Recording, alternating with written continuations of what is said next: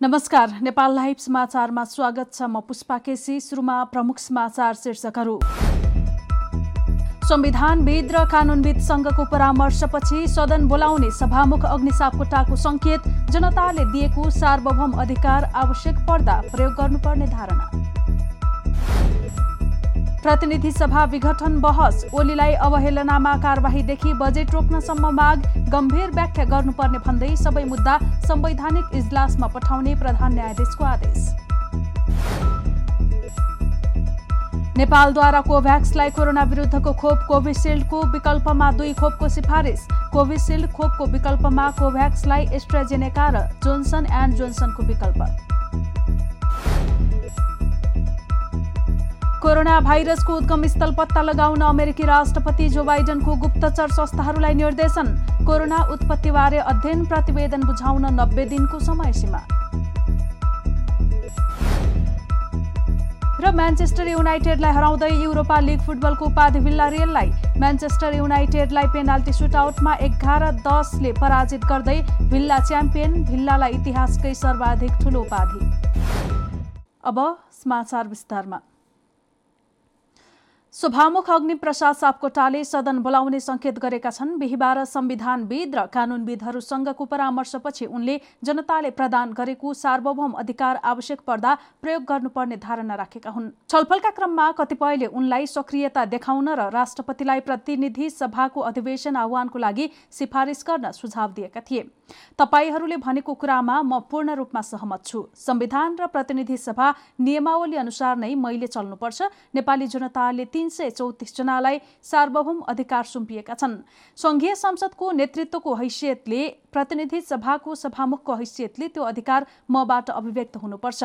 आवश्यक पर्दा देश संविधान लोकतन्त्र र नेपाली जनताको अधिकारका लागि मैले जनताले प्रदान गरेको निहित अधिकार फेरि पनि आवश्यक पर्दा प्रयोग गर्नुपर्छ सभामुख सापकोटाले भने। सापकोटाले संविधान राष्ट्रका लागि भएकाले राष्ट्रिय हितलाई केन्द्रबिन्दुमा राखेर निर्णय लिनुपर्ने बताए। संविधान हाम्रो राष्ट्रका लागि हो। र संविधान यो राष्ट्रका लागि भएको हुनाले त्यो राष्ट्रिय हितमा हितलाई केन्द्र बिन्दुमा राखेर त्यो गरिएको हुन्छ। र त्यसलाई चाहिँ व्याख्या गर्दाखेरि त्यसको प्रयोग गर्दाखेरि अभ्यास गर्दाखेरि हामीले चाहिँ राष्ट्रिय हित अनि त्यसपछि संविधानको रक्षा र लोकतान् लोकतन्त्रको विकास विस्तार र सुदृढीकरणलाई चाहिँ केन्द्रबिन्दुमा राखेर गर्नुपर्छ। उनले देश र जनताको अधिकतम हितभन्दा बाहेक दायाँ बायाँ अधिकार कसैलाई नहुने पनि बताएका छन्। त्यसैले देश र जनताको अधिकतम हित गर्न संविधानको मर्म र भावनालाई आत्मसात गर्ने गरी काम गर्न तयार छु। उनले भने जनताकै म्यान्डेट अनुसार काम गर्छु। नेपालमा कोरोना भाइरस संक्रमणबाट पछिल्लो चौबिस घण्टामा थप एक सय छजनाको मृत्यु भएको छ। स्वास्थ्य तथा जनसङ्ख्या मन्त्रालयका अनुसार यससँगै नेपालमा कोरोनाका कारण ज्यान गुमाउनेको संख्या छ हजार नौ सय एकाउन्न पुगेको छ। यस्तै पिसिआर तथा एन्टिजेन परीक्षणका क्रममा बिहिबार थप छ हजार नौ सय उन्चालिसजनामा संक्रमण पुष्टि भएको छ। बिस हजार चार सय चौधजनाको आरटीपीसीआर विधिबाट गरिएको नमुना परीक्षणमा छ हजार सात सय एकतिसजनामा संक्रमण पुष्टि भएको हो। यस्तै पाँच सय अठहत्तरजनाको एन्टिजेन परीक्षणमा दुई सय आठजनामा संक्रमण पुष्टि भएको छ। देशभर हाल एक लाख सोह्र हजार चार सय छिहत्तरजना सक्रिय संक्रमित छन्। यसै गरी काठमाडौँ उपत्यकामा दुई हजार तीन सय छिहत्तरजना संक्रमित थपिएका छन्। थपिएका मध्ये सबैभन्दा धेरै काठमाडौँका एक हजार सात सय अडतिस भक्तपुरमा दुई सय पैँसठी र ललितपुरमा तीन सय चौसठी छन्। बिहिबार कोरोना संक्रमण पुष्टि हुनेको संख्याभन्दा निको हुनेको दर बढी देखिएको छ। पछिल्लो चौबिस घण्टामा सात हजार दुई सय छब्बिसजना संक्रमित निको भएका छन्। यो सँगै कोरोना संक्रमण मुक्त हुनेको संख्या चार लाख अठार हजार आठ सय उन्तिस पुगेको छ। नेपाली कङ्ग्रेसका सभापति शेरबहादुर देउबाले पार्टीको महाधिवेशन कहिले गर्ने सरसल्लाह गरेर निर्णय गर्नुपर्ने बताएका छन्। उनले आफू पनि महाधिवेशन गर्ने पक्षमा रहेको उल्लेख गर्दै कोरोना महामारीको यस्तो बेला कसरी गर्ने भन्दै प्रश्न गरे। बिहिबार प्रेस युनियनको स्थापना दिवसका अवसरमा आयोजित भर्चुअल संवाद कार्यक्रममा देउबाले कोरोना महामारीका कारण महाधिवेशन प्रभावित भएको बताए। देउबाले अहिलेको पहिलो दायित्व संविधान बचाउनु रहेको बताए। संविधानको रक्षाका लागि लाग्न सबैलाई उनले आग्रह गरेका छन्। उनले प्रधान प्रधानमन्त्री केपी शर्मा ओलीको सिफारिसमा राष्ट्रपति विद्यादेवी भण्डारीले दोस्रो पटक प्रतिनिधि सभा विघटन गरेको भन्दै पहिले यसका विरुद्ध लड्नुपर्ने बताएका छन्। यस्तै सभापति देउबाले राष्ट्रपति भण्डारीबाट संविधानको ठाडो उल्लङ्घन भएको टिप्पणी गरेका छन्। उनले राष्ट्रपतिको आह्वानपछि प्रधानमन्त्रीमा दुवै पक्षको दावी परेपछि छलफलका लागि बोलाउनु पर्नेमा मध्यरातमा संसद विघटन गरेको भन्दै आलोचना गरे। प्रधानमन्त्रीले भन्दैमा यो राष्ट्रपतिले मान्ने विषय नभएको देउबाको भनाइ छ।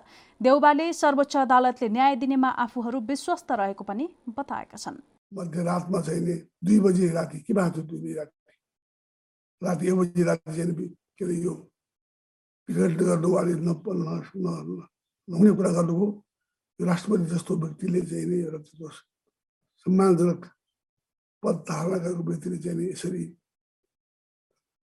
प्रधानमन्त्रीले भन्दैमा मान्ने काम थिएन यो किनभने यो संविधानको ठाडो उल्लङ्घन त प्रधानमन्त्रीले गरेको राष्ट्रपतिले गरेको देखिन्छ यसमा चाहिँ त्यसै कारण चाहिँ हामीले अहिले सर्वोच्चमा गएका छौँ मलाई विश्वास छ हामीले अदालत चाहिँ कुरा कङ्ग्रेस सभापति देउबाले प्रधानमन्त्री केपी शर्मा ओलीलाई संविधानको धारा छिहत्तर पाँच पढ्न समेत सुझाव दिएका छन्। सर्वोच्च अदालतले प्रतिनिधि सभा विघटन सम्बन्धी सबै मुद्दा संवैधानिक इजलासबाट सुनवाई गर्ने भएको छ। बिहिबार प्रधान न्यायाधीश चोलेन्द्र शमशेर राणाको एकल इजलासले यस्तो आदेश गरेको हो। शुक्रबार यसै सम्बन्धी अन्य रिट निवेदन संवैधानिक इजलासमा रहेकाले सबै मुद्दा एकै ठाउँमा राखेर सुनवाई गर्ने भन्दै प्रधान न्यायाधीशको इजलासले संवैधानिक इजलासमा पठाएको हो। बिहिबार सुनवाईका क्रममा कानून व्यवसायीहरूले संवैधानिक इजलास नभई वृहत पूर्ण इजलास गठन गरिनुपर्ने माग गरेका थिए। उनीहरूले संसद विघटन सम्बन्धी मुद्दाको सुनवाईका लागि एघार जना भन्दा धेरै न्यायाधीशको वृहत पूर्ण इजलास गठन गरिनुपर्ने माग गरेका हुन्। प्रतिनिधि सभा विघटन सम्बन्धी तीस रिट मध्ये उन्नाइसवटा मामिलामा सुनवाई सकिएको छ। बाँकी निवेदनमा शुक्रबार सुनवाईका लागि यसअघि नै पेशी तोकिएको छ। बिहिबार करिब बीसजना अधिवक्ताहरूले आफ्नो बहस प्रस्तुत गरेका थिए। बिहिबारको बहसमा प्रधानमन्त्री ओलीलाई तत्काल सर्वोच्चले अदालतको अवहेलनामा कार्यवाही शुरू गर्नुपर्नेदेखि बजेट अध्यादेशबाट ल्याउन रोक्नसम्म माग गरिएको थियो। गत पुस पाँच गते संसद विघटन भएपछि सर्वोच्च अदालतमा दायर भएको मुद्दाको सुनवाईका क्रममा समेत बृहत्पूर्ण इजलास गठनको माग उठेको थियो। निर्वाचन आयोगका पूर्व प्रमुख आयुक्तहरूले कुनै एक पक्षमा लाग्न प्रभाव पार्ने गरी आगामी आर्थिक वर्षको बजेट विनियोजन नगर्न सरकारको ध्यान आकर्षण गराएका छन्। बिहिबार एक विज्ञप्ति जारी गर्दै पूर्व प्रमुख निर्वाचन आयुक्तहरू सूर्य प्रसाद श्रेष्ठ भोजराज पोखरेल नीलकण्ठ उप्रेती डाक्टर अयोधी प्रसाद यादव र कार्यवाहक पूर्व प्रमुख निर्वाचन आयुक्त दोलख बहादुर गुरुङले दुई हजार अठहत्तर कार्तिक र मङ्सिरका लागि प्रस्ताव गरिएको निर्वाचन गराउने भूमिकामा रहेको वर्तमान काम चलाउ सरकारले मतदातालाई कुनै एक पक्षमा लाग्न प्रभाव पार्ने गरी नीति कार्यक्रम वा बजेट ल्याउन नहुने भन्दै सरकारको ध्यान आकर्षण गरेका हुन्।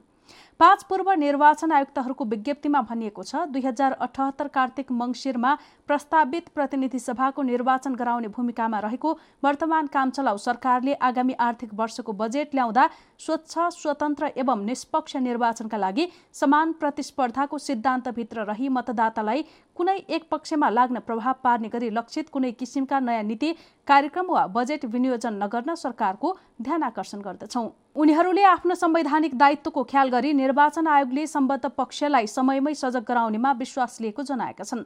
संवैधानिक व्यवस्था अनुसार आगामी आर्थिक वर्षको बजेट संसदमा जेठ पन्ध्र गते पेश हुनुपर्ने हुन्छ। तर प्रधानमन्त्री केपी शर्मा ओलीको सिफारिसमा राष्ट्रपतिबाट संसद विघटनसँगै सरकारले कार्तिक छब्बिस र मङ्सिर तीन गतेका लागि निर्वाचनको मिति घोषणा गरेको छ। नेपालले कोभ्याक्सलाई कोरोना विरुद्धको खोप कोभिसिल्डको विकल्पमा दुई खोपको सिफारिस गरेको छ। भारतको सेरम इन्स्टिच्युट अफ इन्डियाले तत्काल खोप दिन नसक्ने भएपछि कोभ्याक्सले नेपालसँग कोभिसिल्डको विकल्प माग गरेको थियो। नेपालले कोभिसिल्ड खोपको विकल्पमा कोभ्याक्सलाई एस्ट्रेजेनेका र जोन्सन एन्ड जोन्सनको विकल्प दिएको हो। स्वास्थ्य सेवा विभाग अन्तर्गतको परिवार कल्याण महाशाखाका निर्देशक डाक्टर तारा पोखरेलले खोप सल्लाहकार समितिको मंगलबारको बैठकले पहिलो विकल्पमा एस्ट्रेजेनेका र अर्कोमा जोन्सन एन्ड जोन्सनलाई सिफारिस गरेको जानकारी दिए। पहिलो विकल्प एस्ट्राजेनेका हो त्यो भए हामीलाई थप तयारी गर्नु पर्दैन। भएन भने जोन्सन एन्ड जोन्सन नै भए पनि ठिक छ डाक्टर पोखरेलले भने। कोभ्याक्ससँग पहिलो चरणमा कम्तीमा दस लाख एस्ट्रेजेनेका नै चाहिने र बाँकी अरू खोप भए पनि हुन्छ भनेका छौँ उनले भने। नेपालमा पैँसठी वर्षमाथिका करिब पन्ध्र लाखले पहिलो डोज खोप लगाएका छन्।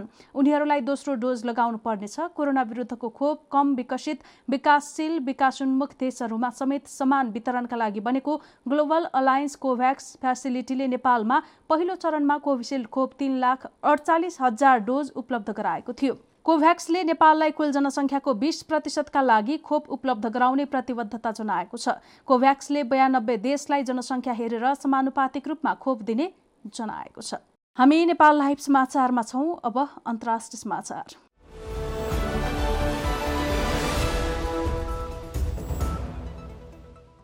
कोरोना भाइरसको उत्पत्तिबारे बढ्दो विवादको बीच अमेरिकी राष्ट्रपति जो बाइडनले उद्गम स्थलबारे अध्ययन गर्न गुप्तचर निकायहरूलाई आदेश दिएका छन्।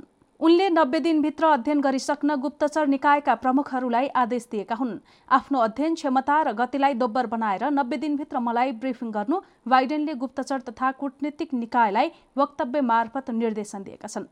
गुप्तचर संस्थाहरूले यसअघि पनि प्रतिवेदन बुझाएका थिए तर एकमत हुन नसकेपछि उनले फेरि अर्को निर्देशन दिएको बताइएको छ।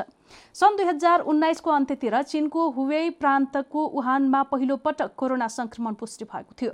त्यस यता विश्वभर कोरोनाबाट सोह्र करोड अस्सी लाखभन्दा बढी संक्रमित भएका छन्। यस्तै कोरोनाबाट विश्वभर पैँतिस लाखभन्दा बढी मानिसको मृत्यु भएको छ। वुहानको समुद्री खाद्यान्न बजारबाट मानिसमा कोरोना सरेको चिनिया अधिकारीले बताएका थिए। वैज्ञानिकहरूले भने जनावरबाट मानिसमा भाइरस सरेको हुन सक्ने बताउँदै आएका छन्। यद्यपि कतिपयले कोरोना वुहान स्थित प्रयोगशालाबाट चुहावट भएर मानिसमा सरेको आशंका गर्दै आएका छन्। नेपाल लाइभ समाचारमा अब खेल समाचार।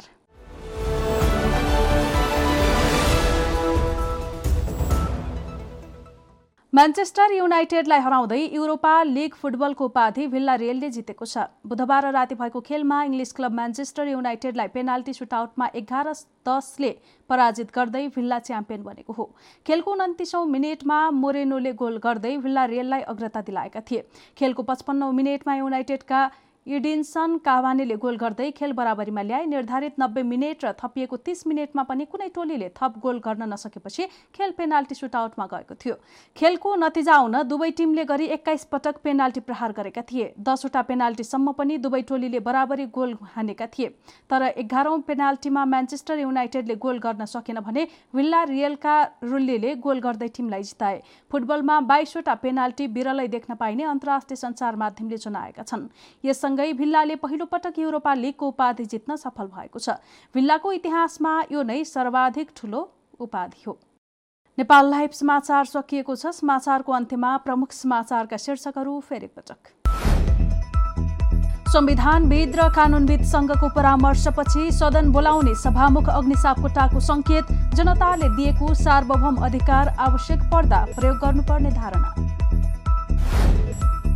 प्रतिनिधि सभा विघटन बहस ओलीलाई अवहेलनामा कारवाहीदेखि बजेट रोक्नसम्म माग गम्भीर व्याख्या गर्नुपर्ने भन्दै सबै मुद्दा संवैधानिक इजलासमा पठाउने प्रधान न्यायाधीशको आदेश। नेपालद्वारा कोभ्याक्सलाई कोरोना विरुद्धको खोप कोभिसिल्डको विकल्पमा दुई खोपको सिफारिस। कोभिसिल्ड खोपको विकल्पमा कोभ्याक्सलाई एस्ट्राजेनेका र जोन्सन एन्ड जोन्सनको विकल्प। कोरोना भाइरसको उद्गम स्थल पत्ता लगाउन अमेरिकी राष्ट्रपति जो बाइडनको गुप्तचर संस्थाहरूलाई निर्देशन कोरोना उत्पत्तिबारे अध्ययन प्रतिवेदन बुझाउन नब्बे दिनको समय सीमा र म्यान्चेस्टर युनाइटेडलाई हराउँदै युरोपा लिग फुटबलको उपाधि भिल्ला रियललाई म्यान्चेस्टर युनाइटेडलाई पेनाल्टी सुटआउटमा एघार दसले पराजित गर्दै भिल्ला च्याम्पियन भिल्लालाई इतिहासकै सर्वाधिक ठूलो उपाधि। नेपाल लाइभ समाचार आज यति नै। यसपछि नेपाल लाइभमा सर्टकट खबर हेर्न सक्नुहुनेछ। यस्ता हाम्रा अन्य कार्यक्रम Nepal लाइभको Facebook page YouTube channel Twitter र हाम्रो वेबसाइट नेपाल लाइभ डट कममा पढ्न र हेर्न सक्नुहुनेछ। नमस्कार।